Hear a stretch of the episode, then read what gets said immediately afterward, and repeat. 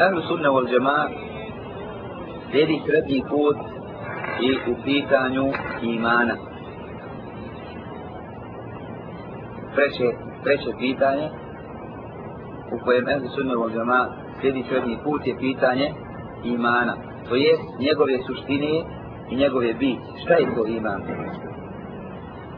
Između oni koji su iman definisali kao unutarnje uvjerenje u srcu i oni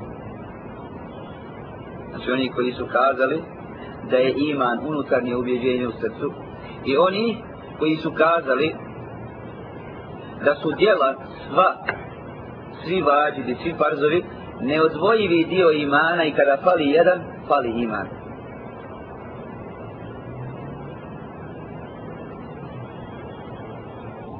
Dvije krajnosti.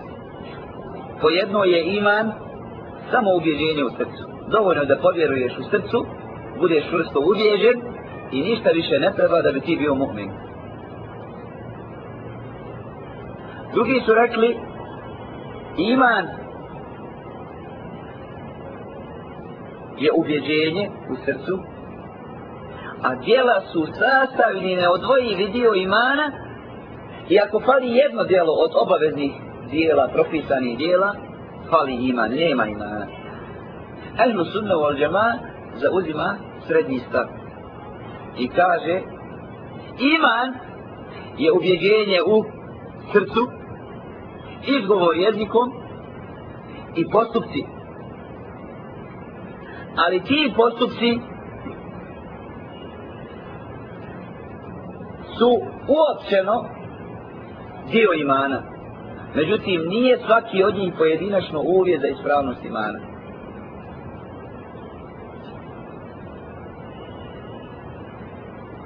Dakle, iman je vjerovanje, čvrsto vjerovanje u srcu, ubježenje, izgovor jezikom, i izvršavanje Allahi Želešanu naredbi. Međutim, ako fali jedna naredba ili dvije, farz, to smanjuje čovjeku iman, ali mu ne oduzima i ne korištava iman. To je srednji put i to je srednje mišljenje. Oni koji su kazali da je iman samo ubjeđenje, zaustavljaju se na tome. I kažu, čovjek koji čvrsto u svome srcu povjeruje u sve ono što je objavljeno u Kur'anu i sunnetu ne trebaju mu djela, on je mu'min potpunog imana oni su djela u potpunosti odvojili od imana rekli su djela su jedno, a iman je drugo za iman je potrebno i dovoljno samo da čovjek povjeruje u svome srcu A drugi su kazali nasuprot njih, druga, druga, to je pretjerivanje. Rekli su imanje ubjeđenja u srcu, izgovor jezikom i izvršavanje naredbi. Međutim, onaj ko ostavi jednu naredbu od naredbi, od farzova, recimo post, izlazi iz vjere.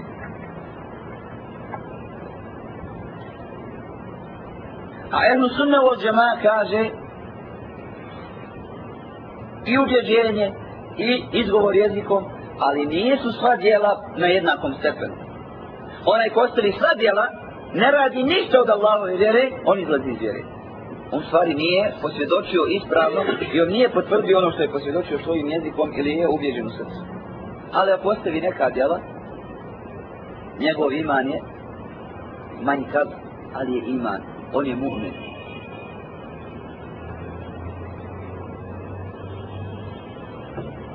Uviđate li razliku između ovoga ekstremnog mišljenja i mišljenja jedne sunnete od džemata kada je u pitanju iman. I jedni i drugi kažu da su djela od imana. Ali oni pretjeruju i kažu da ako fali samo jedno djelo, čovjek prestaje biti mu'min. Dok jedne sunnete od džemata razlikuje djela. Ili razlikuje djelo uopćeno i pojedinačno. Uopćeno moraju postojati djela. Bez djela nema imana. Bez izvršavanje onoga što Allah naredio, nema imana. Ali nije ostavljanje svake naredbe postupak koji čovjeku, koji čovjeku poništava iman. Je vam jasna razlika?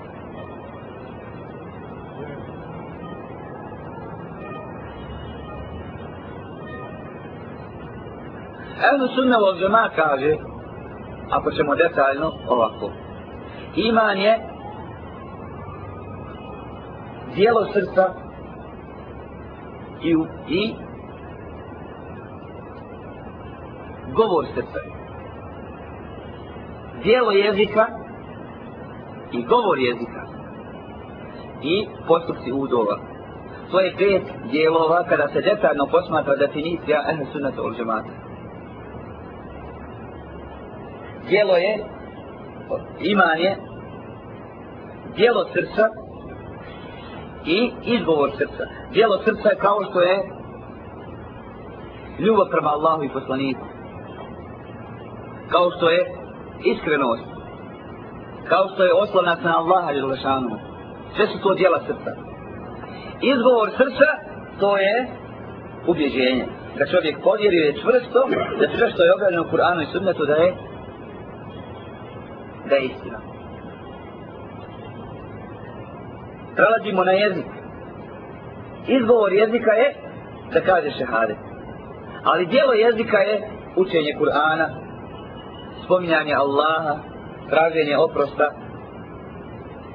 I jedno i drugo je od, od imana. I ostaje još postupci udova, a to su namaz, zekat, hađ, tako dalje. To ostaje.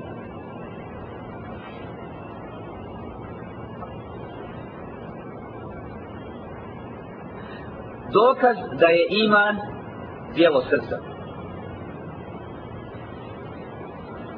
Za ovo što smo kazali, moramo imati argument. Ako kažemo da je iman pet ovih dijelova, moramo imati dokaz za to. Dokaz da je iman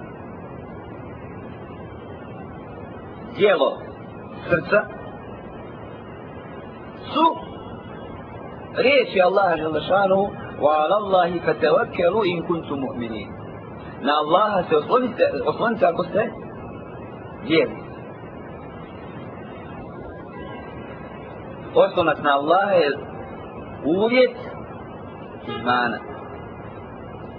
Onaj koji se na Allaha nikako ne oslanja, to ukazuje da on nema imana. فلا تخافوهم وخافوني إن كنتم مؤمنين nemojte se njih bojati lažnih božanstava nego se mene bojite ako ste vjernici dokaz za strah a i on je od postupaka srca dijela srca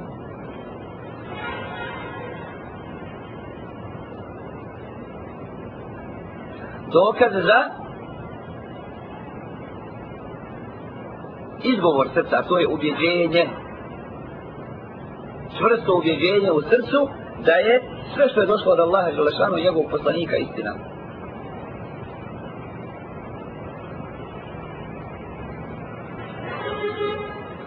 Kaže Allah Želešanu قالت الأعراب آمنا قل لم تؤمنوا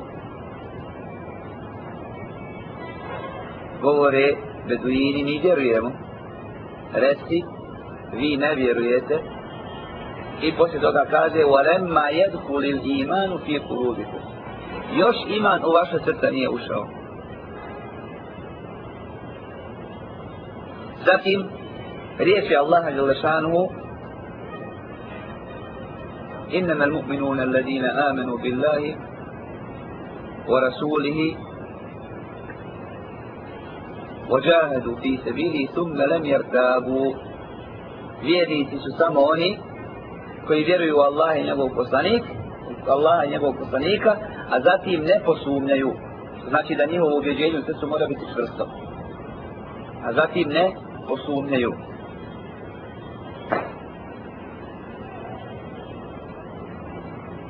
A na početku sure Bekare također kaže Allah Želešanu ذلك الكتاب لا ريب فيه هدى للمتقين الذين يؤمنون بالغيب ويقيمون الصلاة إلى آخره ove knjiga u kojoj nema nikakve sumnje, uputa je bogobojaznima, ako su bogobojazni, oni koji vjeruju u nevidljivo, u gajb, znači vjeruju čvrsto svojim srcima. Ovo je dokaz za dvije stvari. Rekli smo, naveli smo dokaz za dijela srca i za ubjeđenje u srcu. I to sebi fino sve klasificirajte. dokaz da je iman izgovor jezikom. A to je šehadet, su riječi poslanika sallallahu alaihi wa sallam, umirtu an uqatira nasa, hatta ješhadu an la ilaha illa Allah wa anna Muhammadan Rasulullah. Naređeno mi je da se borim protiv ljudi sve dok ne posvjedoče da nema Boga sam Allaha i da je Muhammed sallallahu alaihi wa sallam njegov poslanik. Svjedočenje znači uvjet imana. A dokaz za dijela jezika, to je četvrto, dokaz da iman dijelo jezika, su svi oni tekstovi u kojima se govori o spominjanju Allaha Želešanu, o učenju Kur'ana, o istikvaru. To su dokazi koji postiču na ta djela, a oni su dokaz da je iman djelo jezika. I ostaje još djelo udova. Koji su dokazi da su postupci djela udova da su sastavni dio imana dokaz su riječi Allah Želešanu إنما المؤمنون الذين إذا ذكر الله وجلت قلوبهم وإذا تليت عليهم آياته زادتهم إيمانا وعلى ربهم يتوكلون الذين يقيمون الصلاة ومما الذين يقيمون الصلاة ومما رزقناهم ينفقون أولئك هم المؤمنون حقا لهم درجات عند ربهم ومغفرة ورزق كريم. Samo su vjernici oni koji kada se Allah spomene srca im zatrepere srca se uplaše i na svoga gospodara se oslanjaju oni koji obavljaju namaz i daju iz onoga što čime ih mi oskrbljujemo takvi su pravi vjernici i njima slijedi slijede deređe kod njihovog gospodara oprost i plemenita obskrba.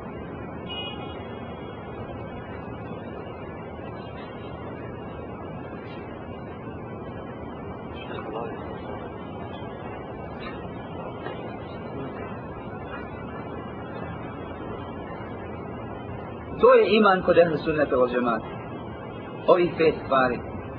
One kad se, kad se skrate, imamo kratku definiciju, iman je riječ i djelo riječ jezika i djelo jezika. Riječ srca i djelo srca i djelo udova. I oko toga, među najboljim generacijama u Selefu nije postalo razilaženje. Imam Buharija kaže da je učio pred hiljadu šehova i svaki od njih je rekao da je iman riječ i djelo. Svi su oni kazali da je iman riječ i djelo. Jednoglasno mišljenje ehli sunneta, odnosno prvi generacija, prenosi i imam Šafija, i imam Ibn Abdul Zer, i Ibn Tejmije i drugi. Da je iman riječ i djelo. I da iman nije samo ubjeđenje. I kad kažemo riječ i djelo, riječ smo podijelili na riječ jezika i riječ srca, a djelo isto tako djelo srca i djelo jezika i djelo udova. I nije iman samo ubjeđenje u srcu, niti je iman onakav kako im su ga definisale Haridžije, koje su ostavljanje farzova, bilo kojeg od farzova, okarakterisali kao okarakterisali kao nevjerstvo, poništavanje imana.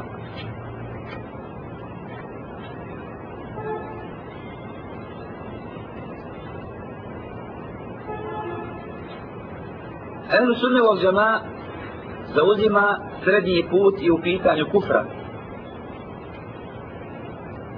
Između oni koji su rekli da je kufr nevjerstvo, negiranje, da čovjek zanegira u srcu nešto, da zanegira neki od postulata ove vjere, da zanegira nešto iz Kur'ana i sunneta.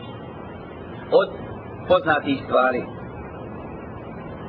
I oni koji su kazali da je kufr to, a i činjenje bilo kojeg grijeha. Bilo koji grijeh da se uradi, po njima se čini nevjerstvo. Ehlu sunne od džema zauzima srednji stav. A to je da je kufr, da kufr biva i ubjeđenjem i postupcima i sumnjom i utjerivanjem Allah i njegovog poslanika u laž i okretanjem leđa vjeri. Postupcima. Bilo šta od ovoga ulazi u definiciju kufra. Čovjek može kufr učiniti u srcu. Da mrzi Allaha i poslanika. Da mrzi muslimane. Da voli nevjernike. Da sumnja u proživljenje makar klanjao makar postio, makar bio s muslimanima ako sumnja u proživljenje on je nevjernik kaže Allah Želešanuhu زعم الذين كفروا أن لن يبعثوا smatraju ili vjeruju oni koji ne vjeruju nevjernici da neće biti proživljeni šta to znači da onaj koji sumnja i koji ne vjeruje u proživljenje je nevjernik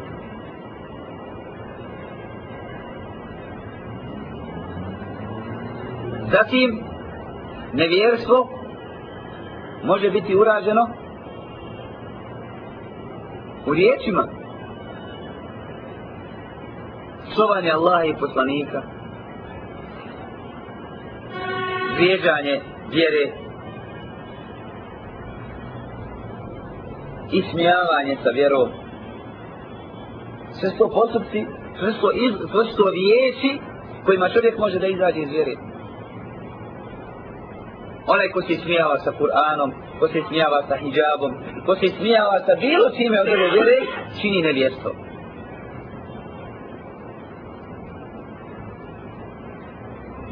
A dokaz da se riječima može izaći iz vjere su oni koji su se smijavali sa poslanikom sa oselem i njegovim ashabima i Allah Želešanu je protektirio.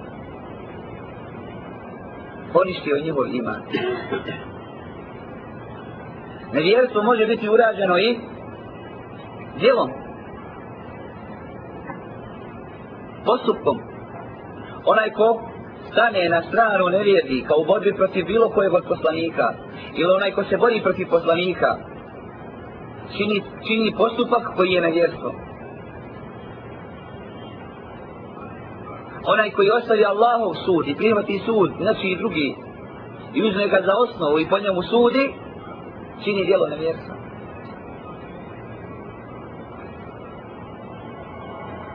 A dokaz su riječi Allaha Đelešanuhu وَمَنْ لَمْ يَحْكُمْ بِمَا أَنْزَلَ اللَّهُ فَأُولَٰئِكَ هُمُ الْكَافِرُونَ Oni koji ne sude po onome što je Allah Đelešanuhu objavio su pravi nevjernici. Nevjerstvo se može učiniti i utjerivanje u laž Allaha i poslanika. Da se zanegira nešto što je Allah kazao, ili da se zanegira nešto što je rekao poslanik sallallahu alaihi sallam, ili da se smatra to neistinitim. Neka je to Allah kazao, to nije istina. Neka je to poslanik kazao, međutim to nije istina. To nije ispravno tako da se kaže. Onaj koji kaže da Allah nije rekao istinu i da poslanik nije rekao istinu čini nevjerstvo utjerivanjem poslanika Allaha i poslanika njegovog ulaša. Također nevjerstvo se čini i potpunim okretanjem leđa Allahove vjeri ne želeći da se ona uopće nauči i ne želeći da se praktikuje. Ona ko se potpuno okrene od Allahove vjere, ko okrene u potpunosti leđa Allahove želešanu vjeri, taj izlazi iz vjere. U stvari on nema ništa sa tom vjerom. كاجة الله جل شانه. ومن أعرض عن ذكري فإن له معيشة ضنكا ونحشر يوم القيامة أعمى. أنا يكون سعود موي أوفمني أوكريني يا شمولاتي تيجب جيوت.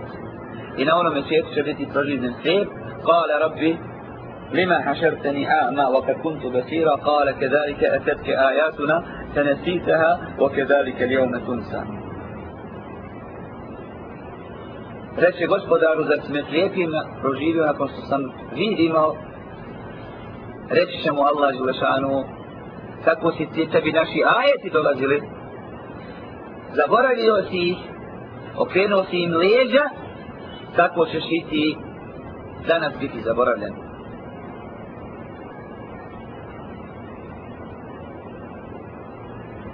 Dakle, nevjerstvo biva i u srcu, i jezikom, i postupcima, i okretanjem od Allaha i Želešanu vjere, ili na bilo koji drugi način koji je određen Kur'anom i sunnetom. Ali, ima nešto što se zove veliki grijeh.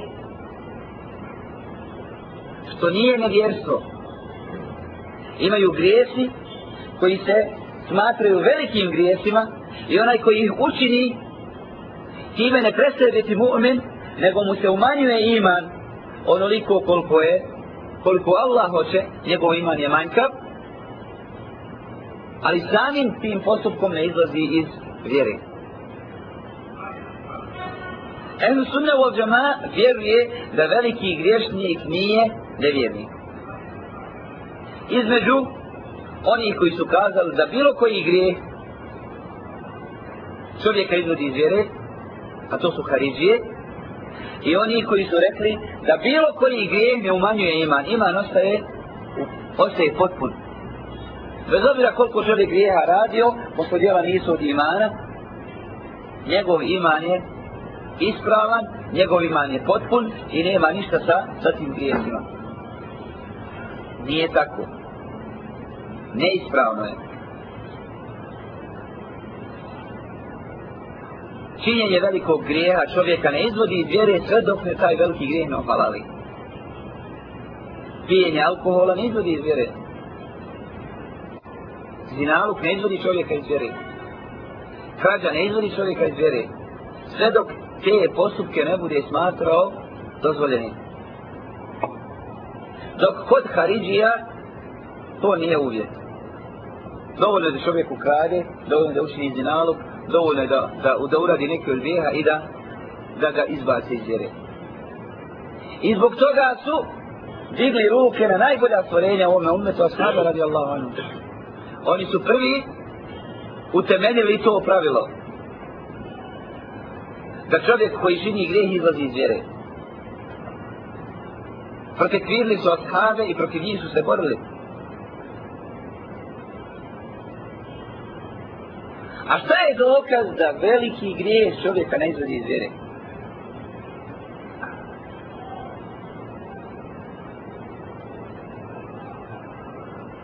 Dokaz su riječi Allaha Đelešanu وإن طائفتان من المؤمنين اقتتلوا فأصلحوا بينهما kad se dvije skupine vjernika pobiju sukobe izmirite ih Allah Đelešanu je nazvao vjernicima iako ratuju jedna puti druge. A u ratovanju mora biti poginuli. Što znači da samo ubijstvo nije nevjerstvo.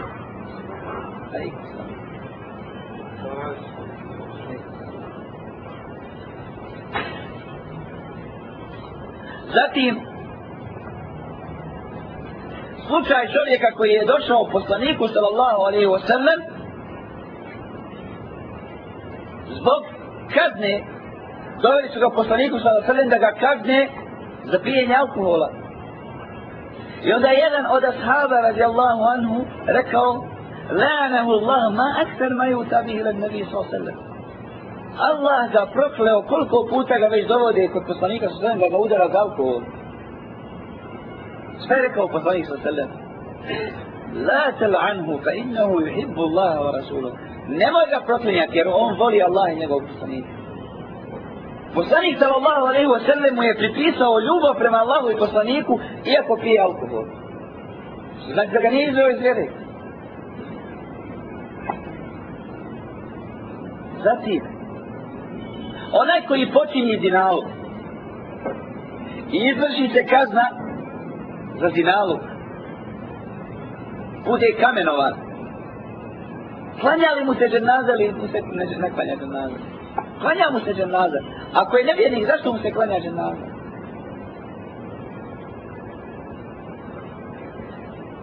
E odakle im je šeitan prišao pa su rekli da je veliki grešnik nevjernik. Odakle im je došao šeitan?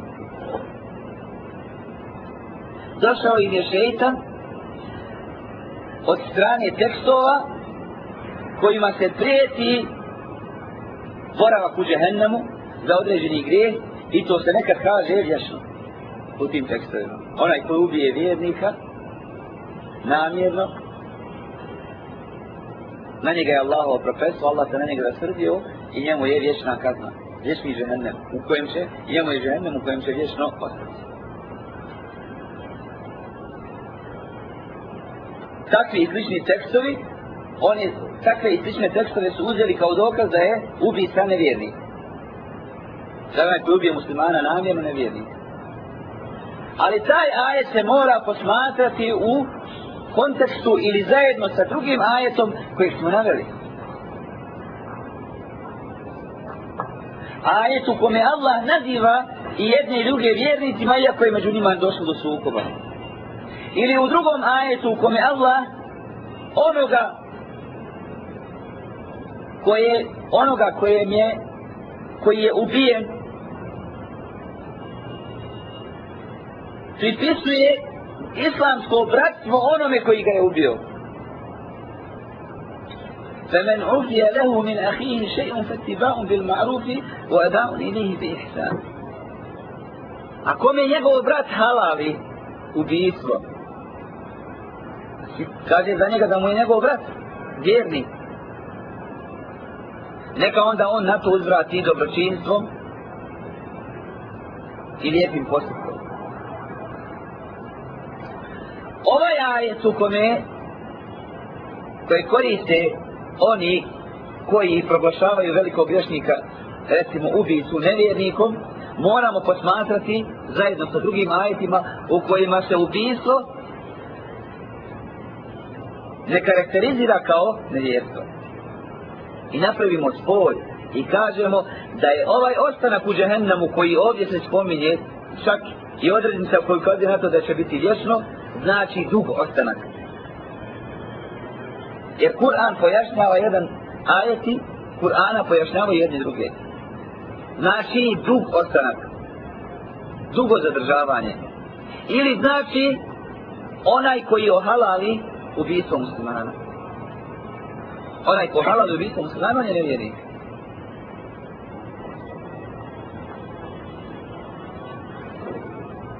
Dobro, šta ćemo sa ovima drugima? Koji kažu da je nevjerstvo samo kad zanegiraš nešto u srcu. Sve dok ne zanegiraš nešto u srcu, čovjek ne izlazi iz vjeri. Odakle njima šeitan prišao? Njima je šeitan prišao sa tekstova, sa strane tekstova koji, u kojima se puno obećava. Ko kaže la ilaha illallah, ući će u džennet. Ko kaže la ilaha illallah, iskreno iz svoga srca ući će u džennet i slični tekstovi.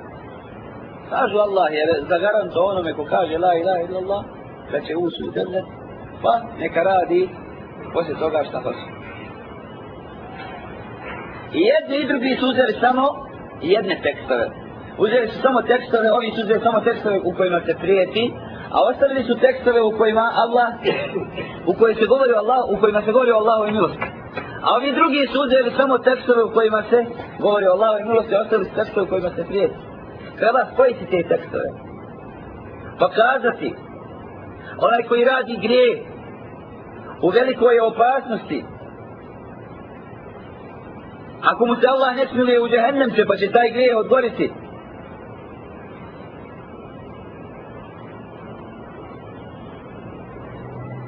Isto tako, vjesniku dati nadu i kazati mu imaju tekstovi u kojima se obećava oprost za sve grijehe onome ko se pokaje a ne uradiš grije izašao si iz vjere i gotovo nego koristiti jedne i druge tekstovi tako ćemo dobiti srednji stav.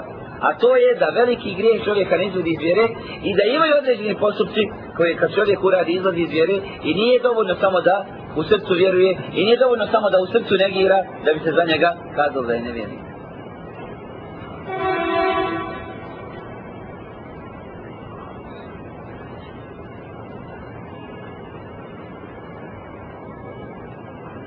A zato smo naveli konkretne dokaze. Što se tiče ovih tekstova u kojima se obećava onome koji kaže la ilaha illallah da će, da, da će, da će u džennet bez obzira šta radio, ti tekstovi su ograničeni. Prvo ograničeni su unutar samih njih. Kaže poslanik za osrlem ko kaže la ilaha ila iskreno iz svog srca. Može li čovjek kazati iskreno la ilaha illallah da posle toga ništa ne radi? Kakva je to iskrenost? Zatim ti su tekstovi pojašnjeni drugim tekstovima u kojima se naređuje i namaz, i post, i hađi, i džihadi, i ostali, ostale naredbe. Ne možeš uzeti samo jedan, jedan tekst i držati ga se, a zanemariti desetine drugih tekstova u kojima se naređuje, u kojima se propisuje, u kojima se za određene postupke propisuje sankcija, kazna. Moraš se rijet posmatrati cijelokupnim, Allah je milostiv, Allah je, jeste Allah je milostiv. Allah prašta. I niko nije kao milostiv kao on. Ali se Allah i srdi. Allah i kažnjava. Allah ima i džehennem kojeg je pripremio za grešnike.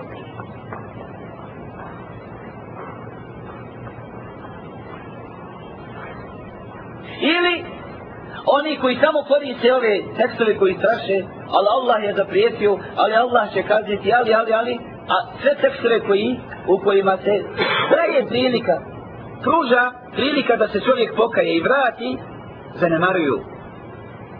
Zato je mi sada ođema srednji put, jer koristi sve tekstove, spaja. I onda kod njega nema nejasnoća.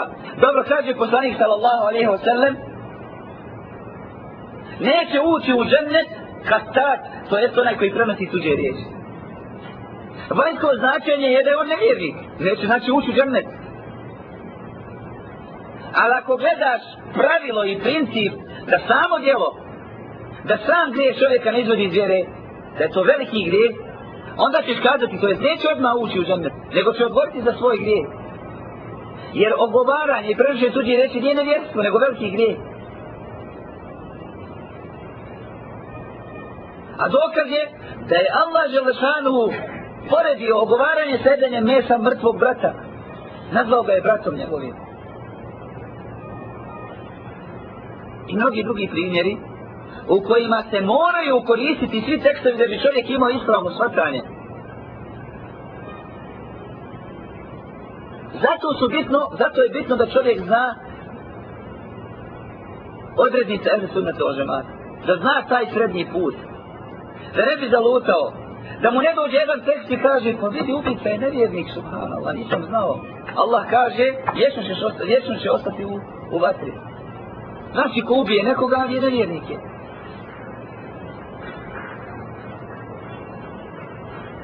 Po principu, ali sunata u džemata, moraju se pogledati svi tekstovi koji govore o tome, pa se onda izdjeti sud. A tekstovi kada se spoje, nam govore da je ubica veliki grešnik i da ne izlazi iz vere. Da mu Allah prijeti kaznom, ali nije zbog toga izašao iz vjere, iako je uradio veliko, veliko djelo, uradio je krupnu stvar. Međutim, imaju pravila i principi koji se moramo držati kada su u pitanju te stvari.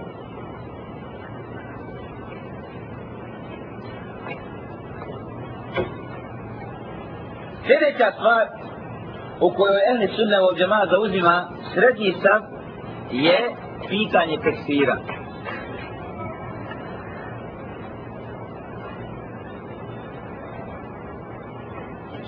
Šta znači tekstir? Tekfir znači da osobu proglasiš nevjernikom, nakon što je bila vjernik.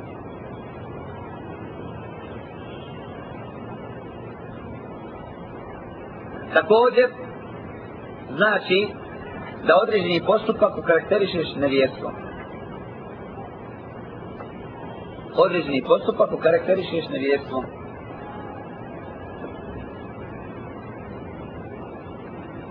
Ehlu sunne vol džema su također u ovoj stvari i u ovom pitanju između dvije skupine. Oni koji u potpunosti ostavljaju tekfir. Neće nikog da tekfire, ni faraona, ni, ni papu, ni nikoga. Ni nevjernika će im lijepo jasno. Onoga koji vrijeđa i psuje i koji, koji se javno odriče islama i koji napada islam i koji vrijeđa one koji se Allahova puta drže. Između njih i oni koji sve živo tekfire. Po redu sve. Ehlu sunne ova džema zauzima srednji stav. A koji je to srednji stav? Prave razliku između okarakterisavanja postupka na vjerstvu i prenošenja propisa na vjerstva na pojedinca.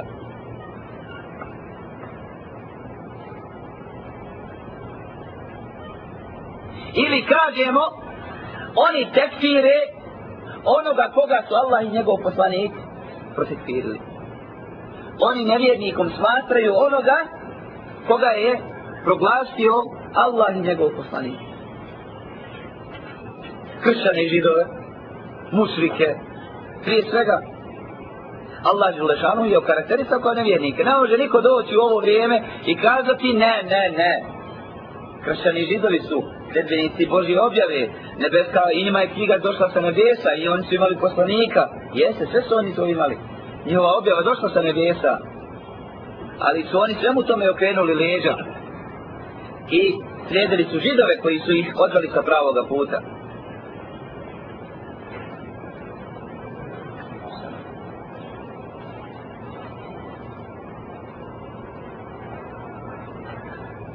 Ehlu sunne u džema, nevjerstvom smatra onom što je Allah i njegov poslanik odredio i okarakterisao kao nevjerstvo.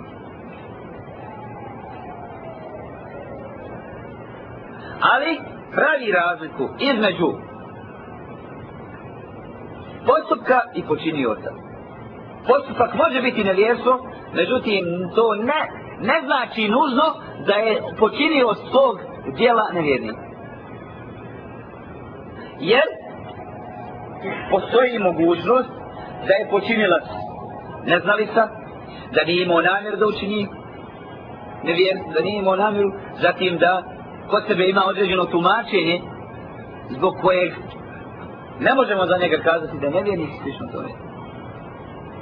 Ali postupak ostaje okarakterisan kao nevjerstvo. Sekularizam je nevjerstvo. Zašto? Zato što dozvoljava nekome drugom mimo Allaha Želšanu da sudi. No nije svak onaj koji se uplete u to, u to, u to kolo zbog svog neznanja, zbog prevare, zbog obmane, zbog lažnog predstavljanja toga, nije nevjerni.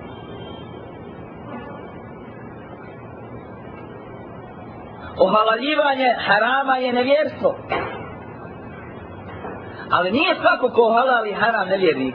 Zašto? Zato što može halaliti haram iz neznanja. Zbog običaja.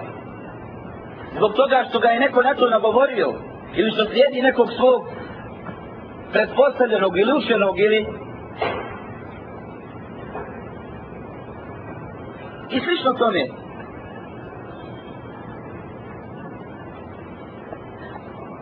Neko će kazati daj nam dokaze za to. Odakle ti dokazi da praviš razliku između postupka i počinioca? Šta je dokaz da svaki počinilac koji počini nevjerstvo nije nevjerni? Iako je učinio nevjerstvo. Puno dokaza imamo iz Kur'ana i Sunneta.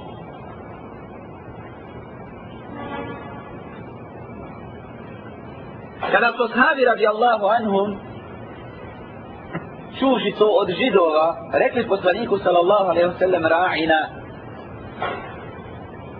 slušaj nam. A židovi su namjeravali nešto drugo, jer ta riječ može značiti i glupane. A sadi su to čuli od njih i onda su poslaniku sallallahu alaihi wa govorili ra'ina, ra'ina. Šta im Allah Đelešanu objavljuje? Ja ima ledina amenu, la te kulu ra'ina, o kulu nzurna. O vjernici, nemojte govoriti, govoriti ra'ina, jer ra'ina ima svoje značenje koje su htjeli židovi. Nego recite, unzurna, pogledaj nas, slušaj nas. Nije ih ocijenio i okarakterisao nevjernicima. Iako riječ poslaniku sallallahu sallam glupa ne znači nevjerstvo.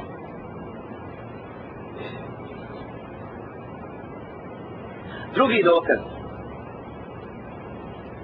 Mu'ad ibn Jabal radijallahu anhu. Veliki učenjak. Kada ga je poslanik sa sallam poslao u Jemen. Pa se vratio iz Jemena, šta je uradio? Prvo što je uradio kad je krao poslanika sa sallam. Učinio mu seždu. Pao mu na seždu. Rekao mu je poslanik sa osana, zašto to radiš mlade?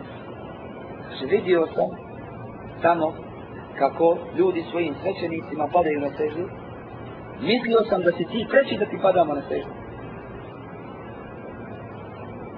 Poslanik sa osana mu je odgovorio ili ga je podučio da ikome priliči sežda, onda bi ta sreća priličila čovjeku od strane njegove žene zbog veličine prava koje čovjek ima kod svoje žene. Ali nikome ne priliči sreća osim Allah Želešanu. Je li poslanik sallallahu alaihi sallam kazao za moja da ti si nevjernik? Subhanallah, velika nashaba, učenjak. Treći dokaz kada je poslanik sallallahu alaihi wa sallam krenuo sa ashabima u jednu od bitaka, ashabi radijallahu su ugledali ashabi radijallahu su ugledali drvo na kojeg su mušici vješali svoje sablje, vjerujući da im to daje veličet Šta su ashabi radijallahu kazali kad su to vidjeli? Ja Rasulallah, iz'al lana date nuatim kema lahum date Poslaniće da i ti nama da jedno tako slično drvo kao što i oni imaju. Poslanik sallallahu alejhi ve se naljutio i rekao Hoćete da mi kažete kao što je kazao Musaov narod Musau kad su prešli more pa su našli narod koji obožava tebe rekli su Musau da i ti nama sada jedno ovako tele koje ćemo obožavati kao što i oni imaju ali i poslanik sallallahu alaihi wa sallam nije protekfirio zbog njihovog šta? Neznanja, jer se u hadisu kaže da su bili još novi u islamu. Četvrti dokaz. Pišite dokaze.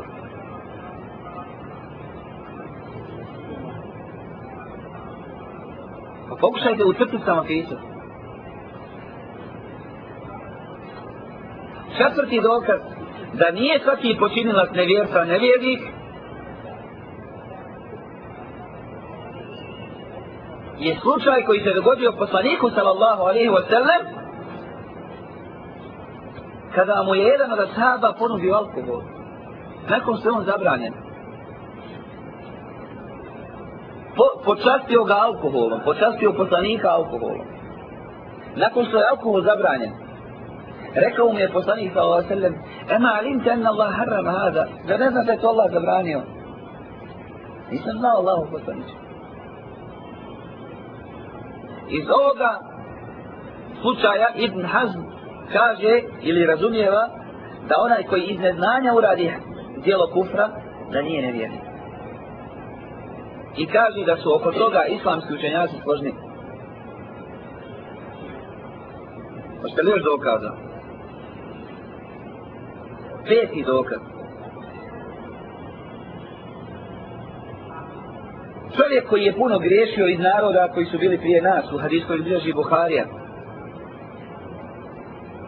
Šta je uradio kad mu se približila smrt? Pobojao se, sutra sa Allahom Želešanom. Naredio je svojoj djeci da ga da sakupe drveća, da zapale vatru, da spale njegovo tijelo, i da ga razbace po moru i kopru. A zatim je rekao La in qadihu alaiya la yu'azibani azaban la yu'azibu ahada min al-alamin. Jer ako Allah me proživi, ako me mogne proživjeti, ako Allah bude kadar da me proživi, kaznit će me kaznom kojom nikoga nije kaznio, zato što je puno radio grijehe, pobojao se. On je ovim svojim riječima učinio nevjerstvo jer je zanegirao Allahov kudret da proživi ljude. Onda je Allah Želešanu naredio moru i kopnu da sakupe njegove dijelove, proživio ga i pitao zašto si to uradio robe. Kaže, uradio sam od straha, zbog straha od tebe. Allah Želešanu mu je oprostio.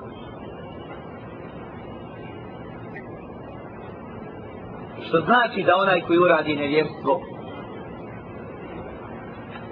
iz neznanja ili slično ne izlazi iz vjere. A ovaj hadis je dokaz. Šesti dokaz. Kada se desila potvora na Aishu, radi Allah, a potvora na Aishu je bila i potvora na poslanika, sallallahu alaihi wa sallam. A poveli su je munafici. Bilo je ashaba koji su se samo slijepo povodili i prenosili to što se događa. Prenosili su to da je Aisha radijallahu anha počinila zinalu na uzu bila. I time su direktno napali na poslanikovu kuću i na njegovu poziciju i na njegovu ličnost. Ali nisu imali namjeru to. Nego su to samo prenosili kao glasine kad se prenose. I nisu zbog toga proglašeni nevjernicima nisu karakterisani nevjernicima jer ih je poslanik sallallahu alaihi sallam dičao sa 80 udaraca. A to su troja sahaba radijallahu anhu. Hasan ibn Thabit, poslanikov sallallahu alaihi sallam pjesnik, koji je u biti na bedru se preputavao sa mušicima, u biti na, na, na Uhudu I pitao poslanika, hoću li im kazati? Hasan ibn Thabit, znači. Hamna bin Džaš i Musetah ibn Esafe, rođak Ebu Bekra radijallahu anhu. Njih troje su prenosili to što su munafici raširili po Medini, ali nisu kasdili, nisu imali namjer da urade nevjerstvo. I zbog toga nisu proglašeni nevjernicima, jer, jer nevjernic, nevjernik, odnosno otpadnik, nad njim se izvršava ubijstvo, a ne kažnjavanje za potvoru.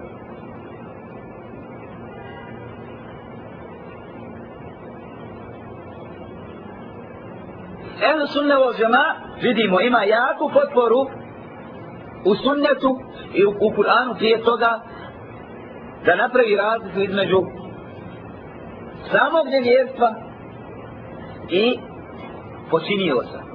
Počinioc može uraditi, braćo, nevjerstvo, ali ne mora izaći iz vjere. Nije nužno da zbog toga izađe iz vjere, nego gledamo na to da li je neznalica, da li je, da li je to uradio u sržbi, da li je to uradio u prevelikoj radosti i tako dalje. Možete navesti kao sedmi dokaz onaj čovjek koji je rekao iz prevelike radosti gospoda, gospodaru moj, ti si moj roba, ja sam tvoj gospodar. Kada mu je došla deva, on bio izgubio nadu da će mu se vratiti deva, na njoj mu bila i hrana i piće. Kaže, i kada mu se sve to vratilo, od prevelike radosti je rekao Allahu, ti si moj rob, ja sam tvoj gospodar. To su da riječi nevjerstva. Ali mu Allah Želešanu to nije upisao kao kufr jer je to uradio u prevelikoj radosti.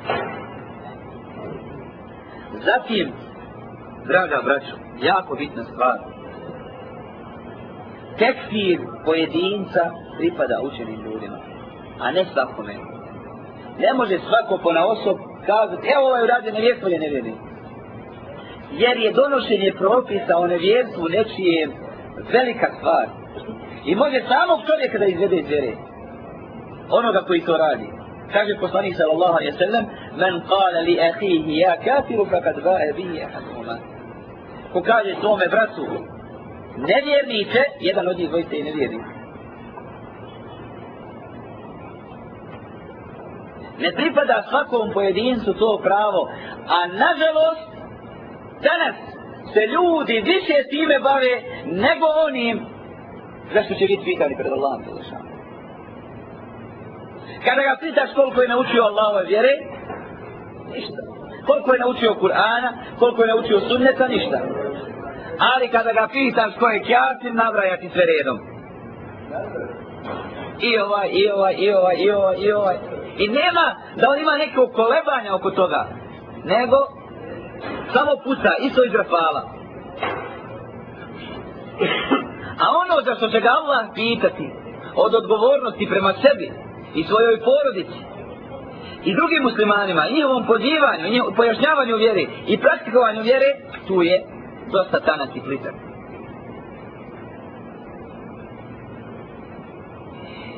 Šta više, stvar je otišla toliko daleko, da neki od tih ljudi tekstire čak i učenjake. Da i učenjake smatruju nevjernici. Stvar je krajnje, znači, ozbiljna.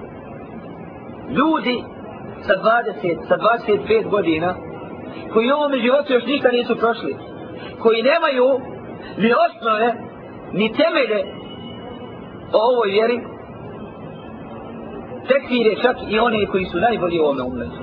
I kažu za određeni postupak, ili ako su malo skromniji, ne tekfire nego kažu, oni su veliki grešnici. Ako je malo skromniji. Ako je baraba, junak, hrabar, onda se ne usrušava da ih i direktno i indirektno proglasi nevjernicima. Danas Allah je lešanu sačuva od zablude. Vratimo se na ono predavanje u kojem smo govorili o vrijeđanju islamskih učenjaka. I rekli smo šta sve čeka onoga koji bude vrijeđao islamske učenjake. Koji nisu meleci, također smo rekli. Nisu meleci. I mi nikome svetost ne potvrđujemo kao što to šije rade. Koji kažu da su njihovi imami sveti i ne griješe. Ne, mi nemamo takvih. Učenjaci griješe i potrebe. A to ne otvara vrata nikome, niti daje priliku da, da, da ih suje i da ih vriježa. Ali nažalost, kada nemate prećeg posla, kada nemate se čime zabaviti, onda šta vam ostaje? Ostaje da, da se bavite drugima. Ostaje da, da iznosite i otkrivate sramote drugih. Veliki problem ove omladine danas, omladine ovoga umeta koja se vratila vjeri jeste nezaposlenost. Gubljenje vremena, neučenje, nekusanje starijih, nekusanje učenih. I onda se moraju izvrti ti problemi. I šeitan im to prikaziva kao ljubomora prema vjeri. Maša, ti ljubomorniji od onoga koji dan i noć radi za Allaho vjeru. A ti pola svog životnog vijeka prespavaš i više od toga. A ono pola, da ne govorim u čemu ga provedeš. I ti si ljubomoran prema Allahove vjeri. Allah zna jesi li ikada klanjao rekat noćnog namaza u kom si zaplakao pred Allahom i Ulašanom. A istinski učenjaci znaju probiti svoju noć u tome. Iako i sutra čekaju obaveze, iako su čitav svoj život podrijedili radu za Allahovu vjeru, i pored toga ne zaboravljaju noćni namaz.